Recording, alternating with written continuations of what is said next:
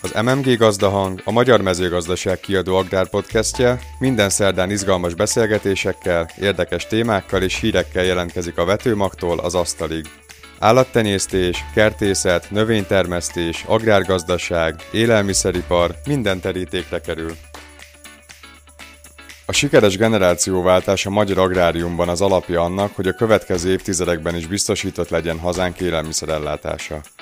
Ezt a nehéz folyamatot számos támogatás és törvényi szabályozás segíti, sőt ösztönzi. A generációváltásról, a fiatal gazdák lehetőségeiről kérdezi Pap Zsolt Györgyöt, vidékfejlesztését felelős helyettes államtitkárt, a Magosz Országos Ifjúgazda Tagozat elnökét, Halmos B. Ágnes, a Kistermelők lapja főszerkesztője.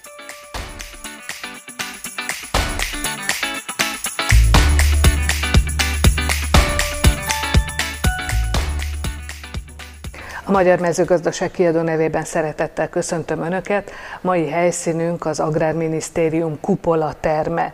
A vendéglátónk pedig Pap Zsolt, vidékfejlesztésért felelős helyettes államtitkár, a Magyar Gazdakörök és Gazdaszövetkezetek Országos Szövetsége ifjú gazdatagozatának elnöke. Először is, elnök úr, arról beszéljünk, hogy ki is az ifjú gazda. Tisztelettel köszöntöm Önöket. Igen, egy fontos meghatározása a kérdésnek. Az agrárium elért a generációváltás küszöbére. Ma az agrártársadalomnak a döntő hányada, a nagyobbik fele nyugdíjkorhoz közeledik. Ugye magát a fiatal gazda szót e, több támogatási rendszer használja. Lehet az is fiatal gazda, aki a terület alapú támogatása mellett kap kiegészítőt. Lehet az is fiatal gazda, aki a beruházáshoz, mint újonnan induló vállalkozásához kap egy támogatási összeget, és azt is fiatal gazdának nevezzük, aki a beruházási támogatásai mellé kap többlet támogatást. Minden esetre az eddig elfogadott szabály az a 18. életévét betöltött de 40, 41-et még nem, tehát 40. életévig terjedő időintervallumba sorolhatóak azok a magyar gazdálkodók, akinek van szakirányú képesítése és mezőgazdasággal foglalkozik. Ha egyszerűen kell megfogalmazni, akkor őt tekinthetjük fiatal gazdának. Tehát tulajdonképpen, hogyha valaki agráregyetemet elvégzett, de nem dolgozik a szakmájában, akkor az nem fiatal gazda. Attól ő tud fiatal gazda lenni, mint induló vállalkozás esetében. Aha, értem. Tehát tulajdonképpen akkor egyrészt a végzettség is számít, másrészt az, hogy a, az agrárgazdaságon belül dolgozzék. Így van a, illetve a beruházási támogatások esetében nem is feltétlenül a végzettség, hanem ott az életkori sajátosság, illetve hogy mikor kezdte meg a mezőgazdasági működését. Tehát, hogy öt évnél nem régebben kezdte meg azt a mezőgazdasági tevékenységet. Ez, amely még be tudja határolni azt, hogy ki minősül fiatal gazdának egy-egy beruházási támogatás esetében akár. Tehát, hogyha mondjuk valaki 40 évesen kezdett el gazdálkodni, akkor azért még 45 évesen is minősülhet fiatal gazdának? A jelenlegi szabályok szerint ugye ez a 40 éves életkor volt a meghatározó. 2023-tól, amikor elindul a közös agrárpolitikának a stratégiai terve, én azt gondolom, egy sarkalatos pontja a fiatal gazda, támogatási rendszernek egy, egy új lapon történő kezdése, de talán érdemes összefoglalni, illetve időben visszább lépni benne. A vidékfejlesztési program az 2014-ben indult, és 20. december 31-ig tartott. Ezt követően következett egy két éves átmeneti időszak. Ez a két éves átmeneti időszakhoz már hozzárendelte Magyarország kormánya azt a 80%-os támogatási társfinanszírozást, amely jelentős mértékben megnövelte a rendelkezésre álló forrást hogyha szabad néhány számmal alátámasztani az agrárium fejlődésének és a vidék megerősödésének az agrárium helyzetéhez kapcsolódó támogatásokhoz az összegét, akkor talán néhány számmal lehet a leginkább jellemezni. A közös agrárpolitika 21-27-es ciklusára mintegy 4300 milliárd forintot meghaladó támogatási összeg áll rendelkezésre, amely a vidékfejlesztési részt foglalja magába. Ebből az átmeneti időszak 1570 milliárd forintnyi összeget tud tartalmazni. Ez szolgálta az elmúlt időszakban megjelent számos pályázati felhívás, illetve minden ágazat számára megírt pályázati konstrukciónak a fedezetét. És akkor 23-ra kanyarodva, mert ez volt a, az összefoglalója, 23-tól pedig több mint 2800 milliárd forint áll rendelkezésre a vidékfejlesztési programban az agrártámogatások tekintetében.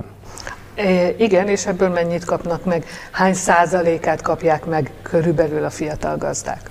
Igazából nem is százalékos mértékben célszerű meghatározni, hanem azt a célt tűztük, hogy megduplázzuk az előző időszakban szánt ö, támogatási lehetőséget a fiatalok számára, és egy új konstrukcióban kerülne meghirdetésre.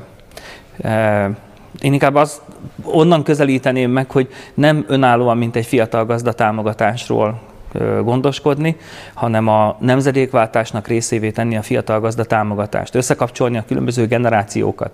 És akkor rögtön el is érkezünk a gazdaságátadáshoz, a generációváltáshoz, ahol tudnunk kell támogatni a gazdaság átvevőt, a gazdaság átadót, és természetesen mellette a már megismert módon működő fiatal gazda támogatást.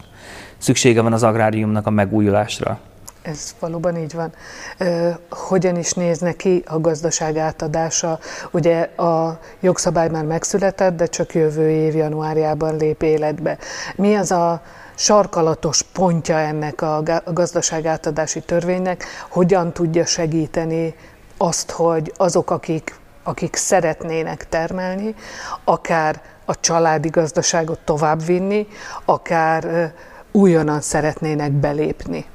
A termelésbe. A gazdaság átadási törvény volt a, talán azt lehet mondani, hogy a harmadik lépése, amely jogszabályalkotói oldalról megszületett, és ezt az úton járva láthatóvá vált a gazdálkodók számára. Valóban január 1-től tud elindulni a törvény hatályba lépése.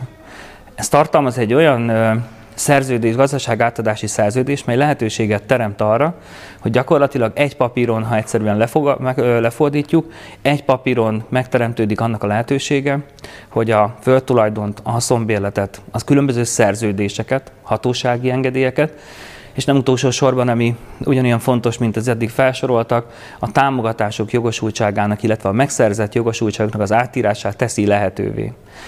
Ez az egy papír, ami egy szerződésforma lehetőséget teremt a, a gazdaság átadó és átvevő között, hogy gördülékenyen végbe mehessen a gazdaság átadása, és igyekszünk előnyöket teremteni ahhoz, hogy akinek van egy ilyen gazdaság átadási szerződése, a 23-tól induló új támogatási rendszerben különböző előnyökhöz tudjon vele jutni. Egyrészt a mint ahogy említettem, a gazdaság átadó, a gazdaság átvevő is támogatásban tudjon részesülni. Harmadrészt pedig egy együttműködés keretében, ahol a tudás átadásra lehet alapozni. Hiszen maga a gazdaság átadása az nem feltétlenül csak egy pénzügyi, jogi ö, eszközrendszeren múlik. Óriási jelentősége van a gazdaság átadó megszerzett tudásának, tapasztalatának és kapcsolatrendszerének. És ezt kívánunk egy olyan együttműködési feltételrendszert kialakítani, amely mindkét fél együttműködésén tud alapulni. Egy hosszú távon, akár több éven keresztüli együtt gondolkodás és együtt munkálkodással tudja átadni az egyenesági leszármazott apa, fia, szülő és gyermek viszonya között, vagy egyenesági leszármazott esetében a megszerzett tudást, tapasztalatot és a kapcsolatrendszert. És mi a helyzet akkor, hogyha valaki fiatal emberként, fiatal gazdálkodóként, szakemberként szeretne önálló gazdaságot vásárolni, szeretne hozzájutni, mert mondjuk nem örököl? Igyekszünk minden az élet, az élet által produkálható eshetőségre felkészülni, bár egy törvényben azért ezt nehéz megfogalmazni, illetve egy támogatási rendszerben. Én azt gondolom, hogy ott a jövő időszakában induló támogatások tudnak ehhez lehetőséget és feltételrendszert teremteni.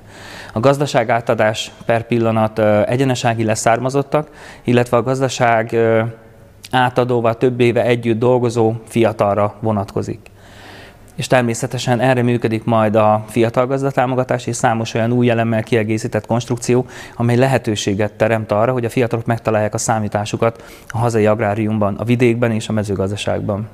Tehát akkor tulajdonképpen, hogyha, hogyha valaki mondjuk az egyetemen végez, nincs neki a családnak földje, gazdasága, de el, jó viszonyt alakít ki például az egyetemi évei alatt szakmai gyakorlaton egy idősebb gazdasági vezetővel, akinek nincs, aki átvegye a gazdaságot, akkor ők köthetnek egy olyan szerződést, a fiatalember neki áll dolgozni a, a, abban a gazdaságban, annak a reményében, vagy tudatában, hogy mondjuk öt év múlva átveheti a gazdaságot, és ő lesz a főnök. Így van.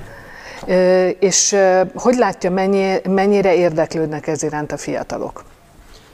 Hát ugye az ifjúsági tagozatban gondolom, hogy volt erről szó nem kevés. Ez egy hosszú munka eredményével jutottunk el a Magos ifjúgazda tagozatával is oda, ahol most tartunk. 2018-ban már tartottunk különböző felméréseket, számos fórumot és pódiumbeszélgetést fiatalokkal arról, hogy hogyan képzelik el a jövőt, hogyan lehet termőföldhöz, állathoz, gyümölcsültetvényhez, vagy bármilyen mezőgazdasági tevékenységhez jutni, akinek vannak hozzá, hozott értékei, kapcsolódik a mezőgazdasághoz. Hogyan lehet egyszerűsíteni az öröklés kérdését? És ugye itt kapcsolódunk vissza az, arra az útra, ahol, ahol, kett, ahol elindult maga a gazdaságátadás, mert ezt megelőzte az őstermelők családi gazdaságáról szóló törvény. Ezek az lépések kellettek ahhoz, hogy el tudjunk ma jutni oda, hogy van egy gazdaságátadási törvény. A fiatalok rendkívül nyitottak és érdeklődőek. Maga a mezőgazdaság, én azt gondolom, hogy óriási változáson megy keresztül, illetve ment keresztül az elmúlt években. Utolérte a digitalizáció, sőt a mezőgazdaság jelenét képezi a digitalizáció, az okos eszközök használata. Rendkívül e, sok múlik a mezőgazdasági tevékenységből nem csak a gazdálkodáson, hanem az adminisztratív feladatokon hogy időben is jó támogatási kérelmek kerüljenek benyújtásra. Változnak a piaci szokások, a fogyasztói szokások, ehhez tudni kell alkalmazkodni. Ezért is van, én azt gondolom, fokozottan szükség a mezőgazdaságban a generációs megújulásra, a nemzedékek összekapcsolására.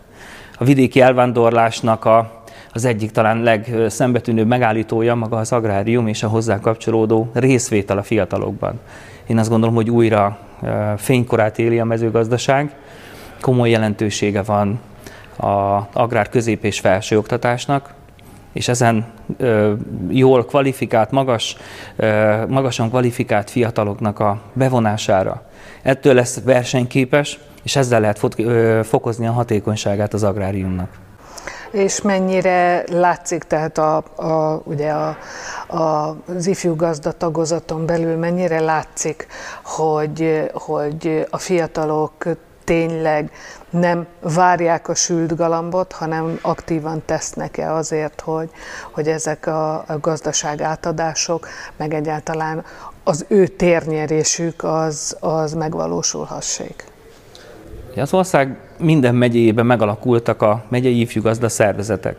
És onnan látszik a leginkább az aktív közreműködésük és az érdeklődésük. Számos szakmai rendezvényen vagyunk túl egymás üzemeit látogatva, a, a, a jó tapasztalatot megosztva, igen komoly létszámmal tudunk összegyűlni. Tehát nem kell nagy hívó szavakat közzétenni ahhoz, hogy egy jó szakmai beszélgetésre le tudjunk ülni egy asztalhoz, és mindenki bátran megossza azt a tudást, azt a tapasztalatot, amit az elmúlt időszakokban látott, szerzett és hozott magával, legyen ez egy hazai, vagy legyen egyébként külföldi jó tapasztalat, jó gyakorlat és számos olyan rendezvény volt, amelynek már a rendezvény végén megfogalmazódott, hogy oké, okay, ez egy nagyon szép rendezvény volt, de a következő az ilyen témában legyen, és lehetőleg minél hamarabb. És minden egyes rendezvényünkön több és több fiatal kíván megjelenni, és komoly szakmai tartalommal bíró rendezvényeket lehet belőle készíteni, amit egyébként ők maguk hajtanak és szerveznek. Melyek a top témák? Én azt gondolom, hogy a top témák közé tartozik a támogatási rendszer alakulása. Leginkább innen mérhető fel a fiatalok jelenléte, a nyitottság, a pénzügyi szemléletben történő változás, a megújulás és az újnak a létesítése. Nagyon fontos a környezet és klímavédelem. Egy nagyon komoly erdészeti napon voltunk, amely, amely egy egész napot ki tudott tenni.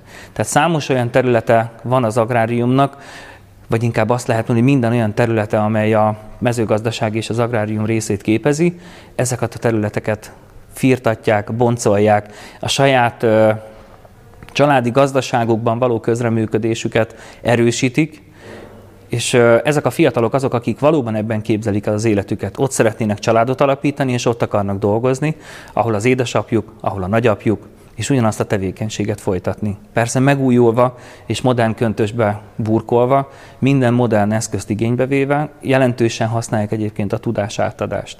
És van rá igény arra, hogy a különböző innovatív eszközöknek az alkalmazása és annak a, ahhoz kapcsolódó tudásnak a megszerzésére.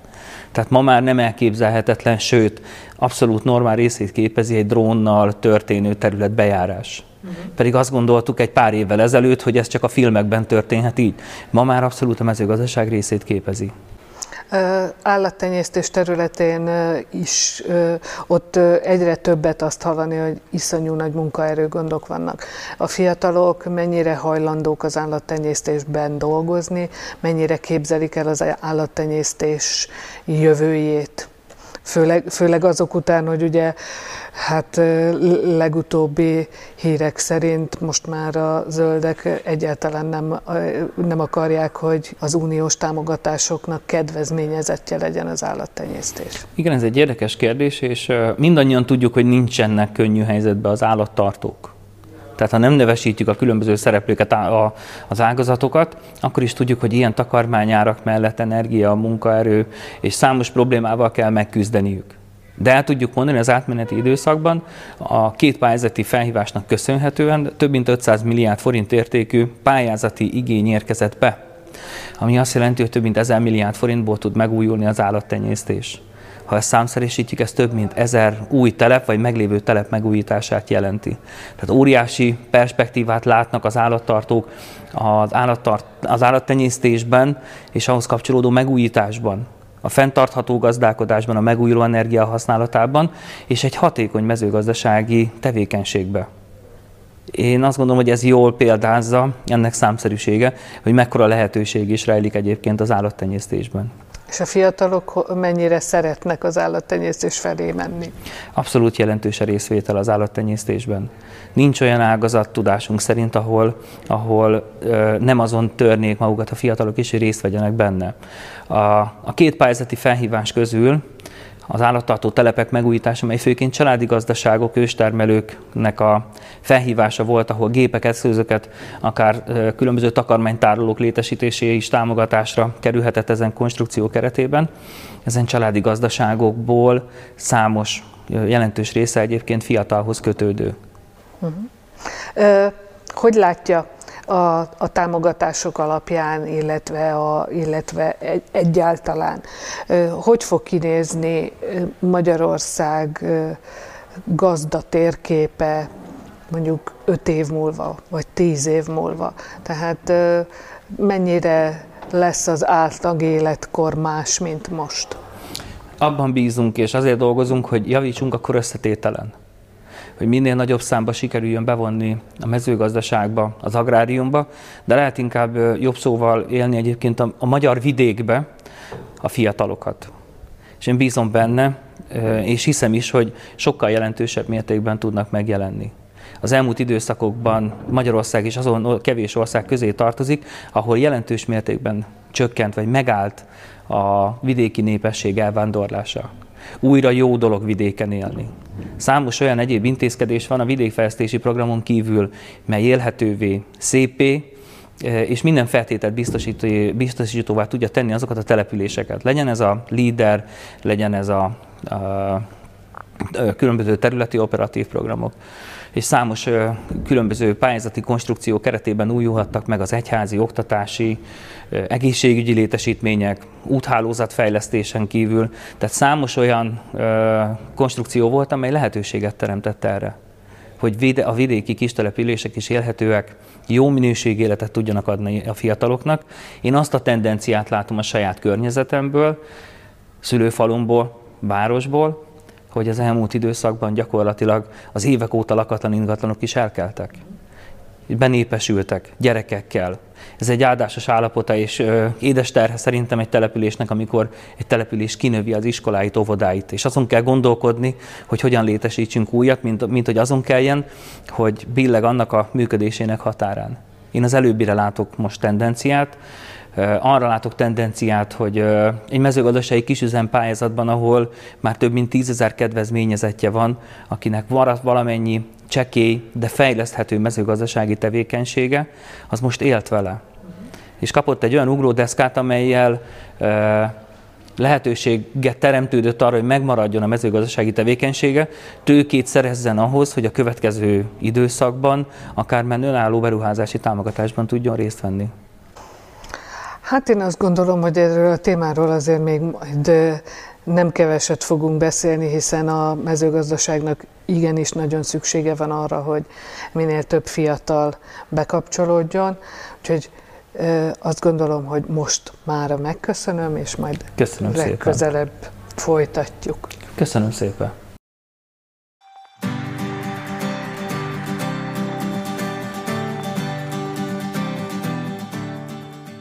Érdekességek a nagyvilágból. A magyarmezőgazdaság.hu hírei közül válogattunk.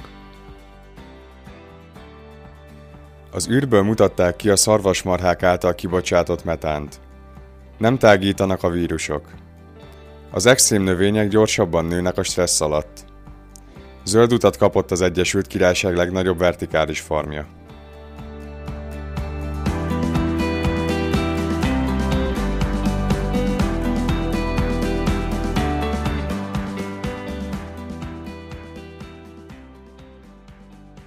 Az űrből mutatták ki a szarvasmarhák által kibocsátott metánt. A kibocsátást a kanadai környezetvédelmi adatgyűjtő és kutatóvállalat nagy felbontású műholdjai észlelték egy kaliforniai szarvasmarha telepről. A megfigyelések szerint innen évente 5100 tonna kibocsátott gáz mennyisége. A kanadai vállalat szakértői szerint a mezőgazdaságból származó metán kibocsátás jelenleg nehéz hitelesen mérni, pedig a pontos mérések elengedhetetlenek ahhoz, hogy az ágazat számára betartható és elérhető klímavédelmi célokat lehessen kitűzni. A műholdas technológiával történő megfigyelések viszont a későbbiekben lehetővé tehetik, hogy pontos képet kapjunk a metán kibocsátás mértékéről, amivel a gazdák megvizsgálhatják a különböző típusú takarmányok hatását a tehenek anyagcseréjére. Nem tágítanak a vírusok. Az állattenyésztők állományai továbbra is fenyegeti az afrikai sertéspestis és a madárinfluenza vírusa. Bodnár Lajos főállatorvos szerint az éghajlatváltozás növelheti a fajok közötti vírus átvétel kockázatát, ami komoly problémákat eredményezhet az európai állategészségügyre, állattenyésztésre és természetesen a közegészségügyre is. Jelenleg is zajlanak kutatások az Európai Unióban, az Egyesült Államokban és Kínában az afrikai sertéspestis elleni vakcina kifejlesztésére, azonban a vírus egyedigény szerkezetű, vagyis nem termelődik ellenanyag az élő szervezetben. A főállatorvos kifejtette, a vaddisznók esetében csak szájon át alkalmazható vakcina jöhetne szóba, aminek hatékonysága kétséges, így az ASP vélhetően hosszú évekig velünk marad. A madárinfluenza terjedése szintén globálissá vált. Ennek egyik oka, hogy a vadmadár állományokban megmaradt a vírus, ami az európai állandó madarak és a vándorló madarak között cirkulálhat, mindez pedig folyamatos veszélyt jelenthet a házi madárállományra.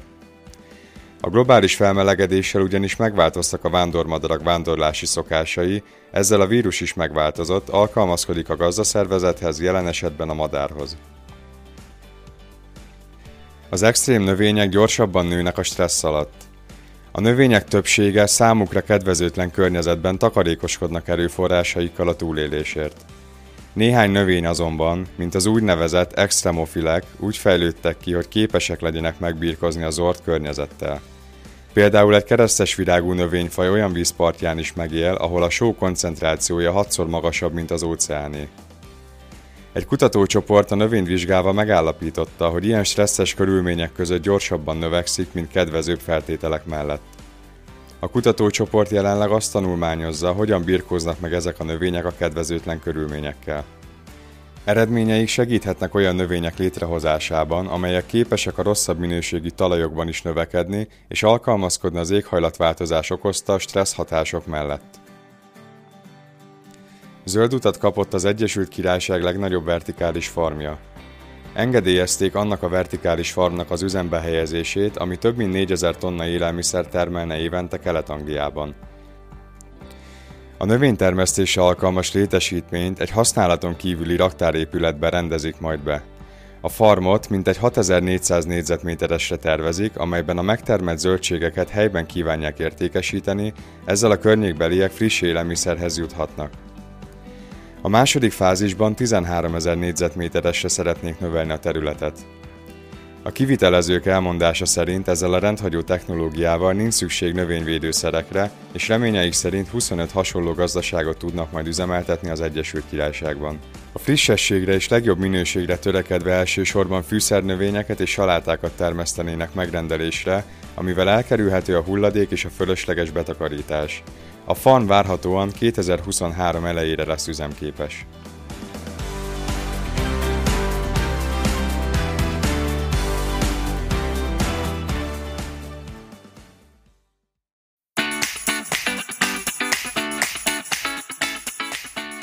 A műsor az Emberi Erőforrások Minisztériuma és a Petőfi Kulturális Ügynökség támogatásával készült.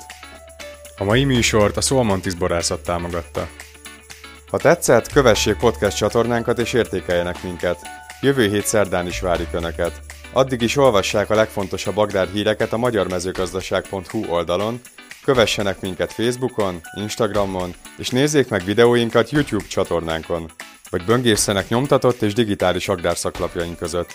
Ezekhez mindhez megtalálják a linket a leírásban. A műsort készítette Halmos B. Ágnes, Szabó Bálint, Bokor Ádám, Varga Tibor és Mizsei Károly. Köszönjük a figyelmet!